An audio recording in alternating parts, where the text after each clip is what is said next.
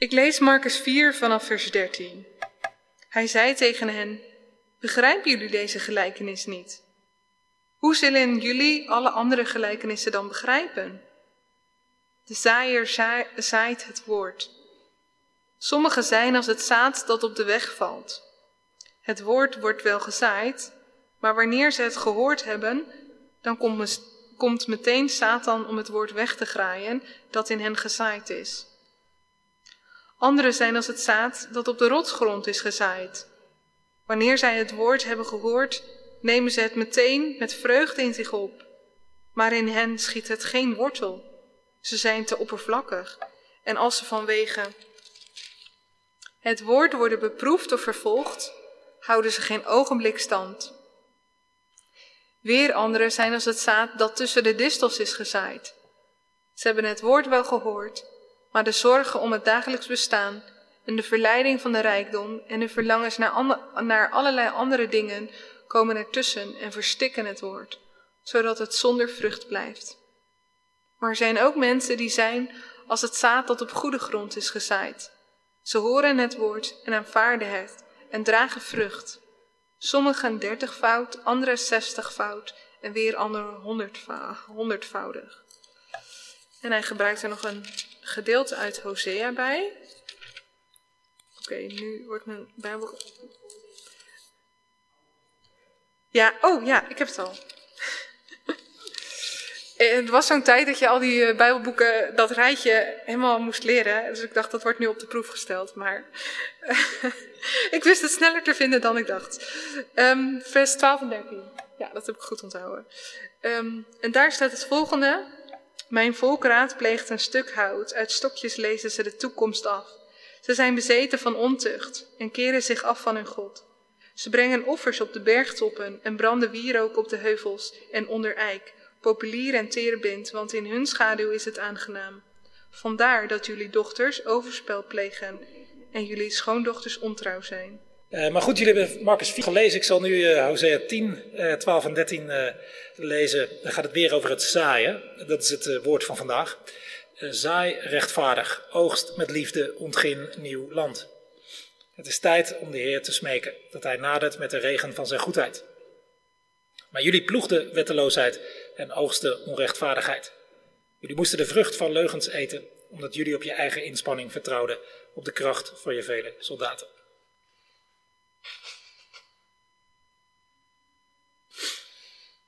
Ja, goed om, uh, hier uh, te zijn. Ik zou het heel graag over deze twee gedeeltes en nog een paar versen extra uh, met jullie willen hebben. Maar ik begin eerst hiermee. In onze cultuur zijn we geobsedeerd, denk ik, door resultaten. ik las pas een advertentie voor ouders van kinderen op de basisschool niet tevreden met de cijfers van je kinderen. En dan kon je extra lessen voor je kind inkopen. De resultaten moeten goed zijn. Uh, ik vermoed een van de vele signalen dat we in onze cultuur daar behoorlijk door geobsedeerd zijn. Ik vermoed ook de mensen die nu uh, aan het hardlopen zijn, van, die, van die doodlopers, kunnen we hier wel zeggen, dat, dat verreweg de meeste, de vraag die het meest wordt gesteld is, wat was je tijd? Niet heb je het leuk gehad, was het mooi? Nou, misschien ook wel, maar ik denk dat heel veel mensen worden, rekenen zichzelf af op hun tijd. En, maar niet alleen bij hardlopers of scholieren tellen de resultaten. Als je in het bedrijfsleven zit, wordt er gewerkt met KPI's. Als je in de sales zit, heb je targets. Als je wetenschappelijk actief bent, tellen de artikelen die je schrijft en hoe vaak eraan gerefereerd wordt. Uh, als je in de hulpverlening zit, zijn er allerlei manieren om jouw resultaten te monitoren, te evalueren, te meten. Als je in de politiek zit, moet je kunnen aantonen wat je hebt bereikt. Eigenlijk altijd en overal moeten er resultaten zijn. En het liefst ook kwantificeerbaar, oftewel uh, in cijfers of euro's uit te drukken. Want uh, ja, die cijfers die tellen en spreken voor zich. Nou bedoel ik niet te zeggen dat je niet resultaatgericht mag of kunt zijn, want resultaat kan een goede indicator zijn of je op de goede weg zit. Ook in de Bijbel wordt verschillende keren uh, met veel waardering gezegd dat er mensen waren die de goede dingen deden en dat alles wat ze ondernamen lukte.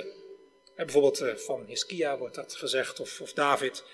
Succes is denk ik ook niet per se een vies woord. Maar het gaat me om de obsessie ermee. De overdreven aandacht voor resultaten in onze cultuur. Het idee dat je je eigen waarde of andermans waarde af te meten is aan de resultaten.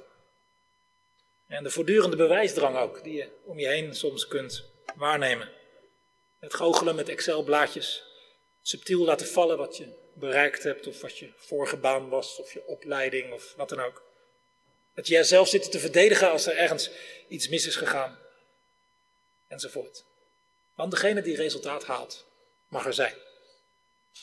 En daar gaat het, denk ik, mis. Want die enorme overdreven resultaatgerichtheid dreigt nogal wat dingen uit het oog te verliezen.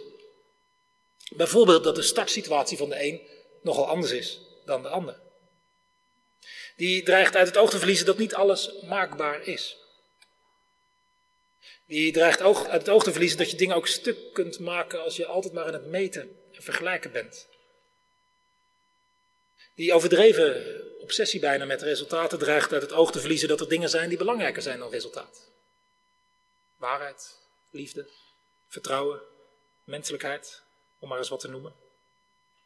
Die dreigt uit het oog te verliezen dat mensen niet alleen maar van waarde zijn als ze wat opleveren. Die overdreven nadruk op resultaten dreigt uit het oog te verliezen dat men aan het eind van je leven op je begrafenis waarschijnlijk maar nauwelijks tijd gaat besteden aan de resultaten die je boekte. En veel meer tijd aan wie je was. En daarom lijkt me goed om een ander beeld uit de Bijbel te verkennen en naar voren te schuiven. Uh, een veel gezonder beeld, mijn inziens. Een beeld dat bij ons allemaal past. En niet sommige mensen insluit en uitsluit. Want hoe jong of oud je ook bent, een volle cv of een lege cv. Uh, of dat je even jong bent of dat het een van je laatste dagen is op aarde. Uh, je kunt dit allemaal. Met dit woord kun je iets. Het woord zaaien. Dat is wel een beetje een oud beeld uit een agrarische samenleving, maar toch een heel gezond beeld. Het beeld van zaaien. Gewoon een zaadje in de grond stoppen, dat beeld, of het zaad dat zo breed uitgestrooid wordt, uh, breed uit over de, over de akker. Beide beelden kun je wat mij betreft in je hoofd houden. Ik denk als we dat beeld hebben, dat, dat, eh, als dat voor ons op ons netvlies staat, we eh, veel gezonder leven, menselijker. Ook meer zoals God het bedoeld heeft. Meer ontspannen ook dan die eenzijdige focus op resultaten. Ik denk ook dat we veel meer goeds voortbrengen als we, als we ons zouden richten op goed zaaien. In plaats van richten op alleen maar resultaten. Want jouw en mijn bestemming, of roeping, om maar eens een groot woord te gebruiken, uh, is niet om resultaten te boeken. Want resultaten zijn niet altijd maakbaar. Voor resultaten ben je vaak ook afhankelijk van anderen. En uh, resultaat is misschien nog wel een woord waarbij in het Vrije Westen nog wel iets mee kunnen. Als je gezond bent en zo. Maar uh, als je in Afghanistan of Noord-Korea woont, is het vragen naar resultaten bijna vreed. Maar zaaien, dat kunnen we allemaal. En overal. En hoe oud of jong we ook zijn. Gezond of niet gezond. We kunnen zaaien. Jezus heeft het dus verschillende keren daar ook over. We lazen er een voorbeeld van, een verhaal over zaaien. Ja, Zo'n zo, zo verhaal uit het alledaagse leven van toen gegrepen. Een zaaier strooit zaad, komt neer op rotsachtige grond tussen de distels op de weg en in vruchtbare grond. Vervolgens legt Jezus dat verhaal dan uit. En dat hebben we net gelezen. En ik wil stilstaan bij dat ene zinnetje. De zaaier zaait het woord. Dat woord heeft dan de groeikracht in dit verhaal. Dat draagt uiteindelijk, zorgt ervoor dat, het vrucht, dat er vrucht komt. Oftewel, dat woord brengt de goede dingen voort. Je zou dit, dit heel algemeen kunnen opvatten als, als woorden die je zaait, die doen iets, die hebben effect. dus je kunt goede woorden zaaien. En dat, uh, dat heeft effect bij de mensen om je heen. Hier in het verhaal van Jezus wordt, denk ik, vooral aan het woord gedacht. Het woord van God, de Bijbel, het goede nieuws, het evangelie. Als je dat zaait, zaai je iets goeds. Het wordt niet altijd ontvangen. Het krijgt niet altijd de ruimte. kan verstikt raken. Maar als het in vruchtbare grond valt, dan gaat het vrucht dragen. Zo vertelt Jezus. Oftewel, dan groeit er iets, iets nieuws, iets goeds. Daar heeft de zaaier niet de hand in. Hè? Je kan de groei niet uit een plant trekken. Ik heb er niet heel veel verstand van, maar dat, dat weet ik nog wel. Maar waar hij wel de hand in heeft, is dat er gezaaid wordt. Want ja, als dat niet gebeurt, ja, als er niet gezaaid wordt, dan groeit er niks. Goede woorden in het algemeen, het woord in het bijzonder, goed om te zaaien. Over dat laatste nog even door te denken, het woord van God zaaien. Ik denk dat daar behoefte aan is in onze tijd. Want heel, veel, heel veel mensen zijn zo'n beetje analfabeet als het gaat om dit woord. De generaties groeien soms op, of in ieder geval een deel van de jongste generatie die echt nauwelijks meer iets weet ervan. Zonde.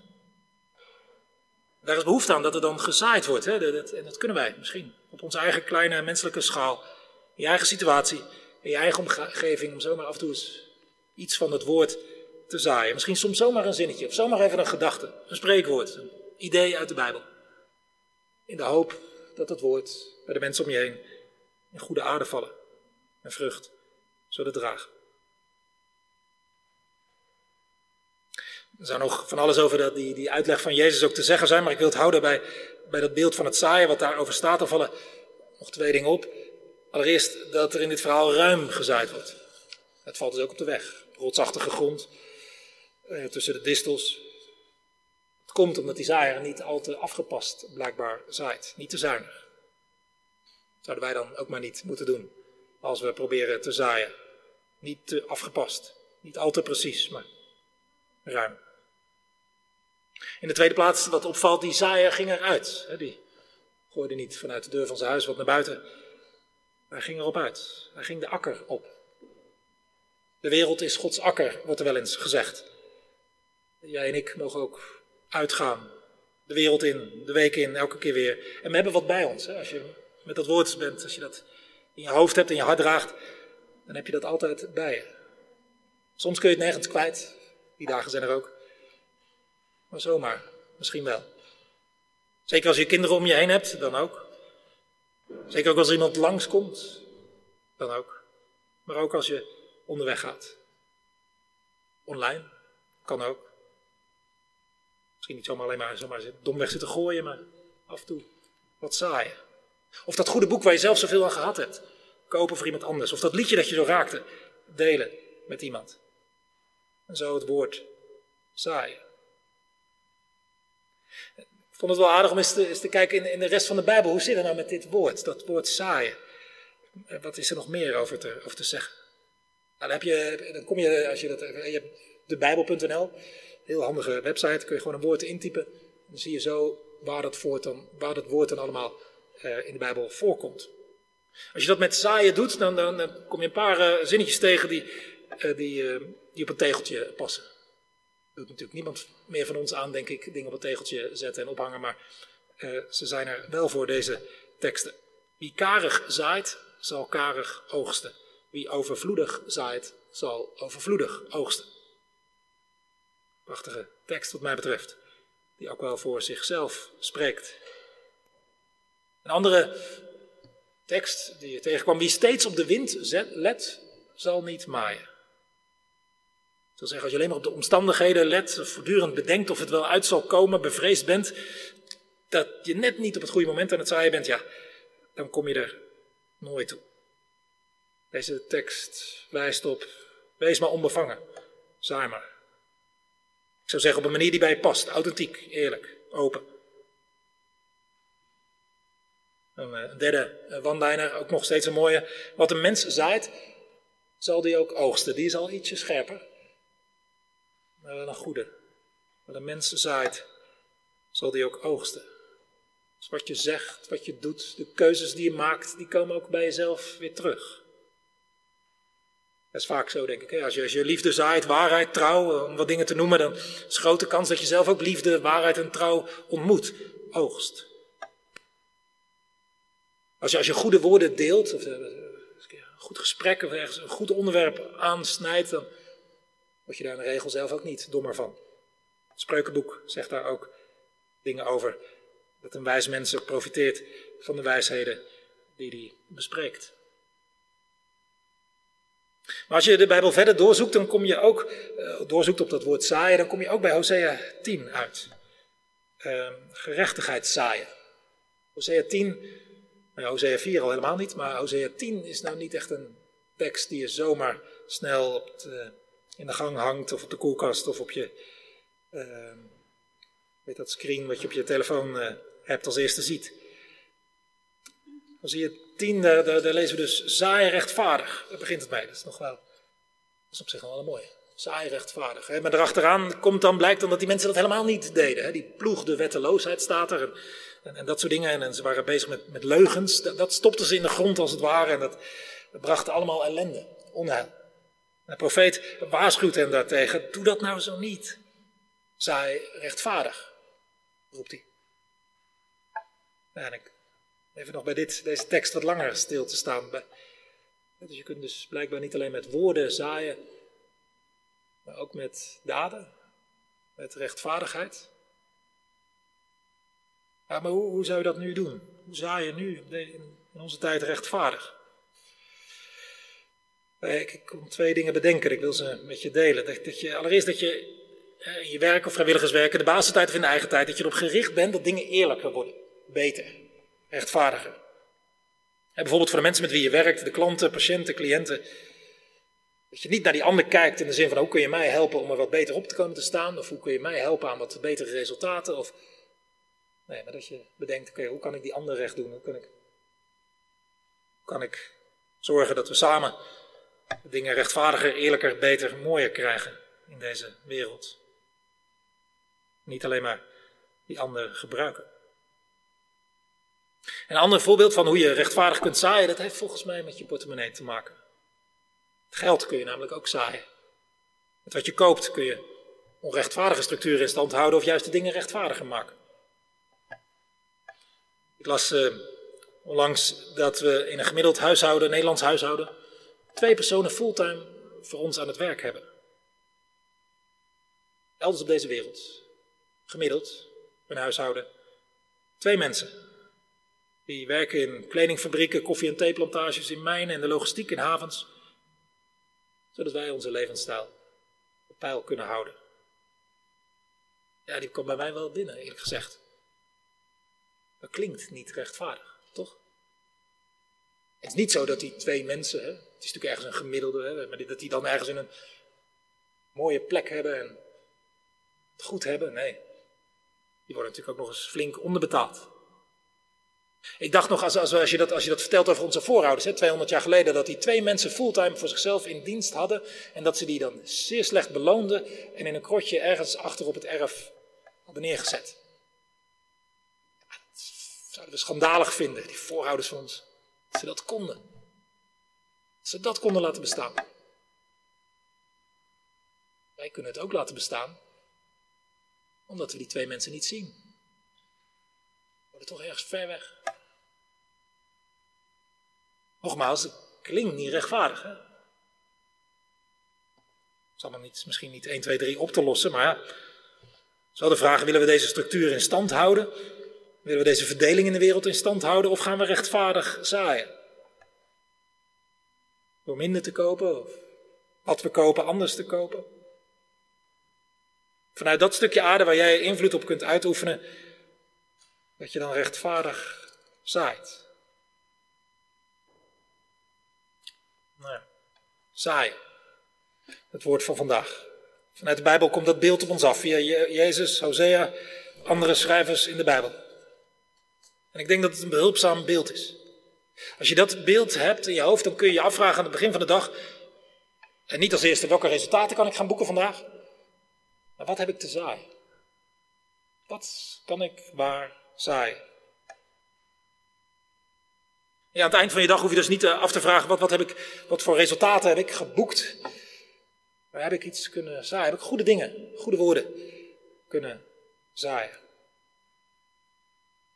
Het is ook, ook, mooi, denk ik, om zo te bidden. God help mij vandaag om rechtvaardigheid te zaaien. God help mij om uit te gaan en ruim te zaaien met goede woorden, het woord. Nog even weer terug naar Marcus 4. En het rondje door de Bijbel weer terug naar die tekst. De zaaier nu zaaide met het woord. Wij, wij, ik betrok dat woord, dat zinnetje op onszelf. Hoe wij kunnen zaaien. Maar het vaakst wordt dit verhaal betrokken op God. Hij is de zaaier. Hij zaait rechtvaardige daden, altijd gedaan. Hij zaait het woord, altijd gedaan via Mozes en de profeten. Maar vooral via Jezus sprak God zich uit. Jezus, het woord. God zaaide het woord, Jezus. Als een graankorrel stopte hij hem heel zorgvuldig in zijn akker, de wereld, in het donker van de aarde. En de graankorrel, Jezus, brak, stierf. Pijnlijk, leek niks meer te worden, maar het tegenovergestelde was het geval. Nieuw leven kwam eruit voort, onnoemelijk veel leven. Zoveel leven, daar kon geen dood tegenop. En vrucht, zoveel vrucht kwam daaruit voort, dat die ene graankorrel, Jezus, tot op de dag van vandaag wordt er geoogst. De zaaier zaait het woord.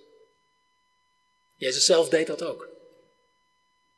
Als je naar hem kijkt, dan zie je hoe hij zaaide. Rechtvaardige daden, goede woorden, verhalen, zinnetjes, onderwijs. Zijn woorden en daden dragen nog steeds vrucht. Daar leek het eerst, eerst niet op. Hè? Als, je, als je naar hem zou kijken vanuit, het, vanuit wat voor resultaat behaalde Jezus nou in zijn leven, ja, dan, dan, was je gauw klaar. Een jaar of 33 gestorven aan een kruis ergens in een uithoek van het Romeinse Rijk. Liet geen boek na, geen leger, geen stuk land, geen vermogen, geen nakomelingen, geen naam. Wat was nou zijn resultaat? Wat kon hij nou op zijn cv zetten? Maar hij had wel gezaaid. Hij had heel veel gezaaid. En dat had hij goed gezaaid. En het, het werd veel. En het veranderde zoveel mensen. Het veranderde de loop van de geschiedenis. Zijn woorden en daden droegen namelijk onnoemelijk veel vrucht. Er zat zoveel kracht in de woorden en daden van hem. Het leek weinig, maar het werd zoveel. En als je in het spoor van Jezus gaat, als je in het spoor van Jezus zaait, waar je ook komt, dan lijkt het misschien soms niet zoveel. Dan zie je niet altijd resultaat.